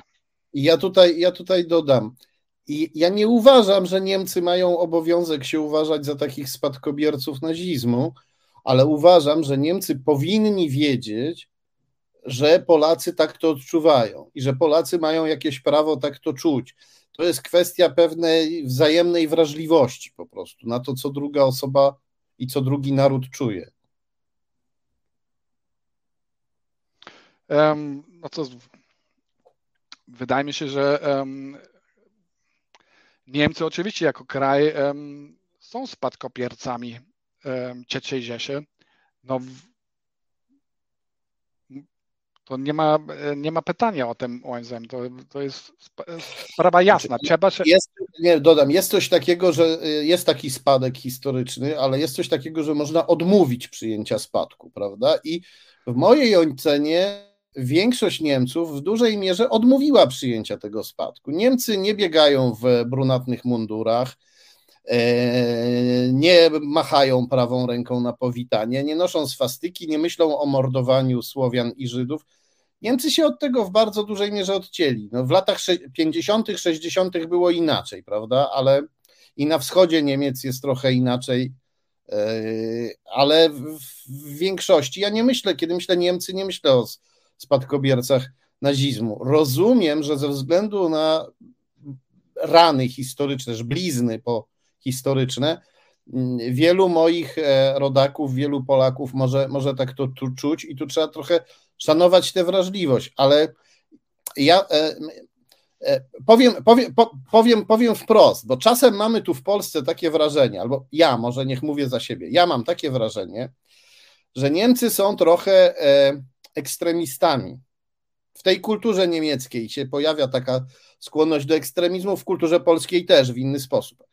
E, mówiąc obrazowo, tu proszę się nie obrazić, bo to tak skrót dosadny, można mieć wrażenie, że Niemcy, jak nakładają hełm na głowę, to po same oczy, a jak nakładają szlafmycę, to też po same oczy. I my mamy teraz trochę wrażenie, że wasi pradziadkowie byli yy, agresorami wściekłymi, a dla równowagi ich prawnuki są pacyfistami e, w koszuli nocnej i szlafmycy na głowie, którzy nie chcą na przykład zrozumieć, że mamy z Rosją tak naprawdę wszyscy wojnę. No, i to znaczy to jest um, no, koniec końcem to jest chyba um, prawda, tak? No to znaczy oczywiście niemiecki pacyfizm jest bezpośrednią reakcją oczywiście na doświadczenie II wojny e, światowej. To jest, to jest prawda. Plus oczywiście też e, związane z faktem, że no po wojnie nie we wszystkich um, zakresach politycznych um, zachodnie Niemcy, RFN, były, kraj, były krajem suwerennym tak, w swoich decyzjach. No i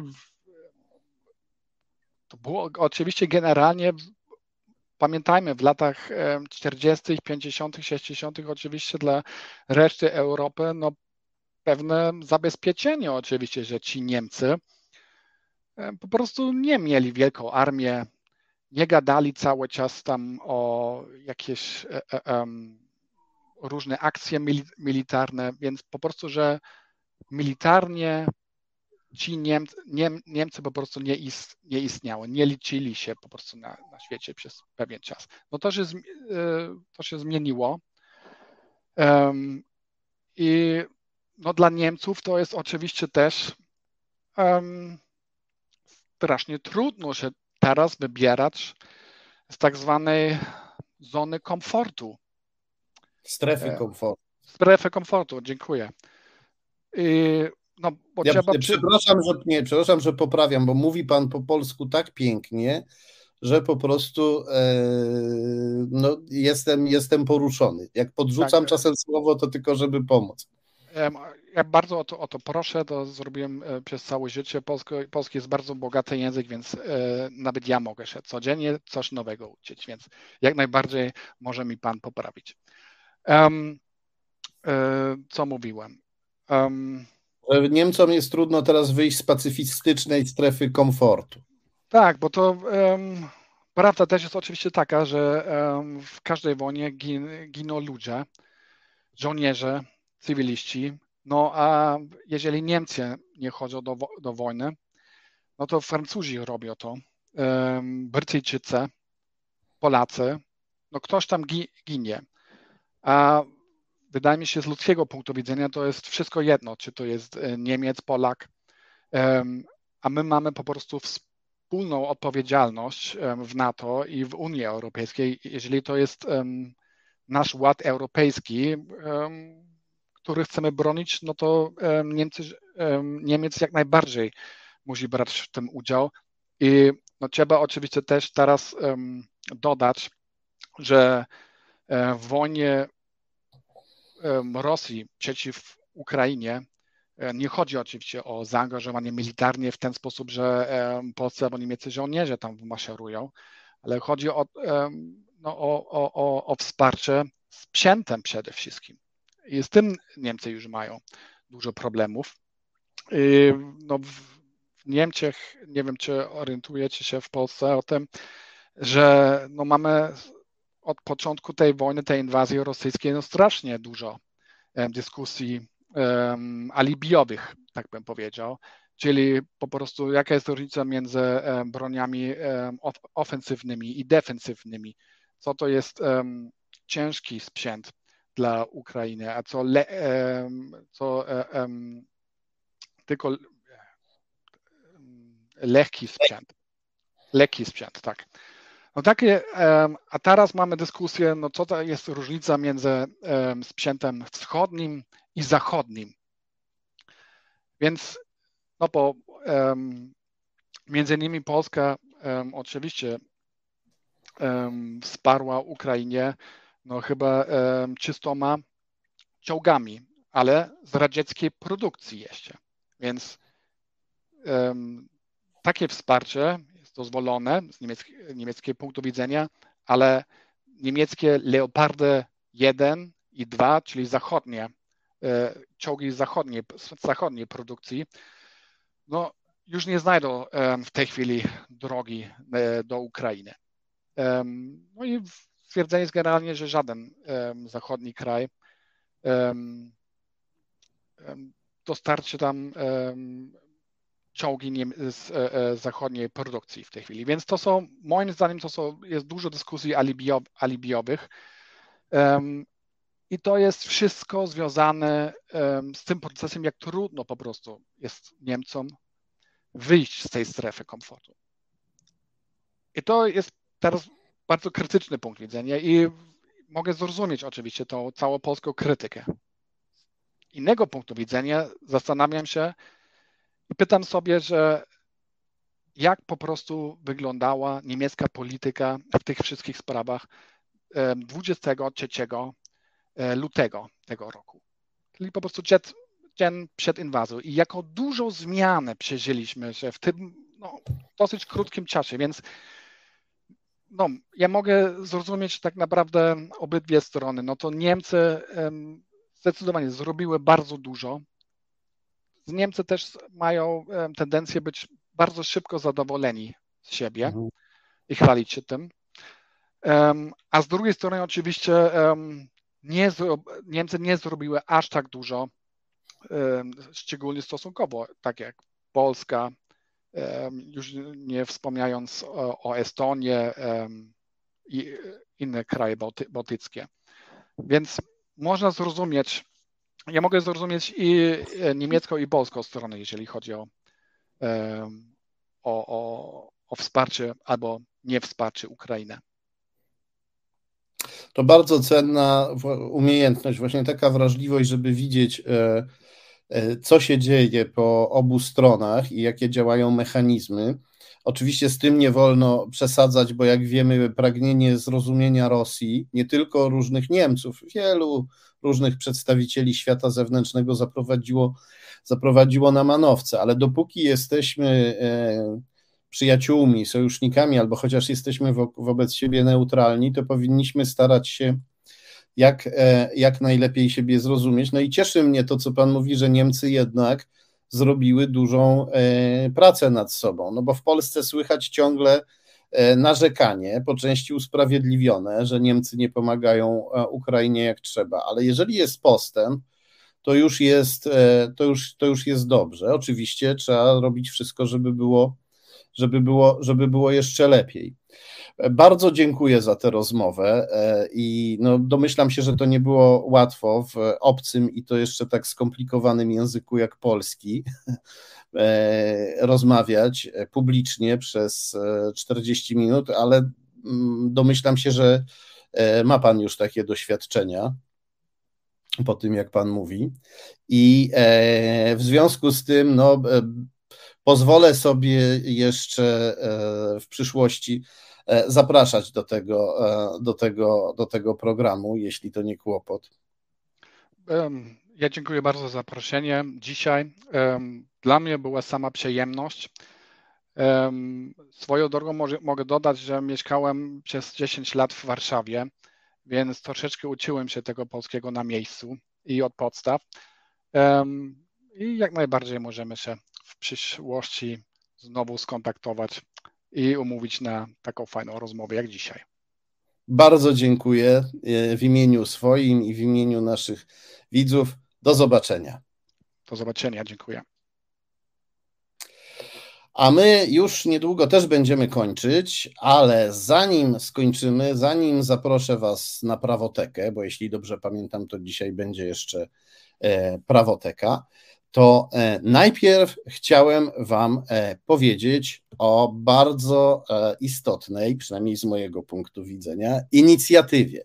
Poproszę naszego dzielnego realizatora Marcina, któremu dziękuję za wszystko, co dzisiaj dla nas zrobił. Poproszę, żeby wrzucił nam tutaj adres internetowy zrzutki. Bardzo ważnej zrzutki. Zrzutka.pl łamane przez 4K EGMK. Zapamiętajmy sobie, kliknijmy, na co to jest zrzutka. Kochani, to jest e, zrzutka, którą e, Reset Obywatelski zrobił i którą zrobiło, zrobiła Fundacja Arbitror. Fundacja Arbitror, wydawca Resetu Obywatelskiego, robi tę zrzutkę na e, książkę Kaczyński i jego pajęczyna Tkanie sieci 4995 tkanie sieci 1949-1995. Bardzo Was proszę, żeby po tym, jak się ten program skończy, żeby wejść na e, e, zrzutka.pl, żeby ten adres sobie zapamiętać, żeby go sobie wystukać, żeby wygooglować sobie tę zrzutkę. To jest zrzutka na książkę, w której trakcie pisania jestem. W tej chwili przechodzę już do prac e, redakcyjnych ale e, książka będzie też miała kontynuację, więc prace badawcze nie, nie ustają. Zresztą również podczas prac redakcyjnych e, e, weryfikujemy po raz kolejny to wszystko, co zostało napisane, więc prace redakcyjne też się wiążą z researchem, czasem też z jakimiś podróżami, z powrotem do archiwów. No, koszty pracy nad książką o Jarosławie Kaczyńskim i jego nieraz bardzo głęboko zakopanych tajemnicach, koszty były duże. E, I jeżeli wpłacicie, jeżeli wpłacicie na tę zrzutkę, to dzięki temu książka ukaże się, książka ukaże się szybciej książka ukaże się szybciej i będzie nam, e, będzie nam łatwiej kontynuować pracę nad e, badaniem przeszłości i teraźniejszości Jarosława Kaczyńskiego, jego działań i jego powiązań. Kochani, ogromnie dziękuję każdemu, kto teraz wejdzie i wesprze tę te, te zrzutkę, kto wesprze zbiórkę na portalu zrzutka.pl na książkę, nad którą właśnie, e, nad którą właśnie pracuję. Bardzo Wam dziękuję jako dziennikarz, obywatel i jako ja, jako Tomasz Piątek osobiście. To jest dla mnie bardzo ważne. Każdy, kto, kto to zrobi, e, no, jest, e, jest moim przyjacielem. Tytuł brzmi uroczo, pisze nasza komentatorka Iza, Iza Kot. Bardzo, e, no mam nadzieję, że książka może urocza nie będzie, bo Jarosław Kaczyński nie jest uroczą postacią. O, Piotr Strychalski wsparł. Wsparte skromnie. Bardzo dziękuję. Skromnie czy nieskromnie wspierać, kochani. Każda złotówka się liczy. Wiem, że jest ciężko. Wiem, że mamy inflację, że mamy drożyznę, no ale żeby zwalczyć tego, kto nam tę drożyznę zafundował, e, musimy go poznać. E, musimy go poznać i musimy, e, musimy e, poznać kluczowe informacje na jego temat, a potem jak je poznamy, to musimy je propagować, bo jak widać, no nie na wszystkie wolne media w tej sytuacji możemy liczyć. Uczą nas tego reakcje niektórych dziennikarzy, komentatorów na bardzo ważne słowa wypowiedziane przez generała Piotra Pytla. Kochani, ogromnie Wam dziękuję. Przypominam, zrzutka.pl łamane przez 4K EGMK. Bardzo dziękuję za każdą wpłatę. Widzimy się e, za tydzień, a już za chwilę prawoteka. I przypominam o lajkach.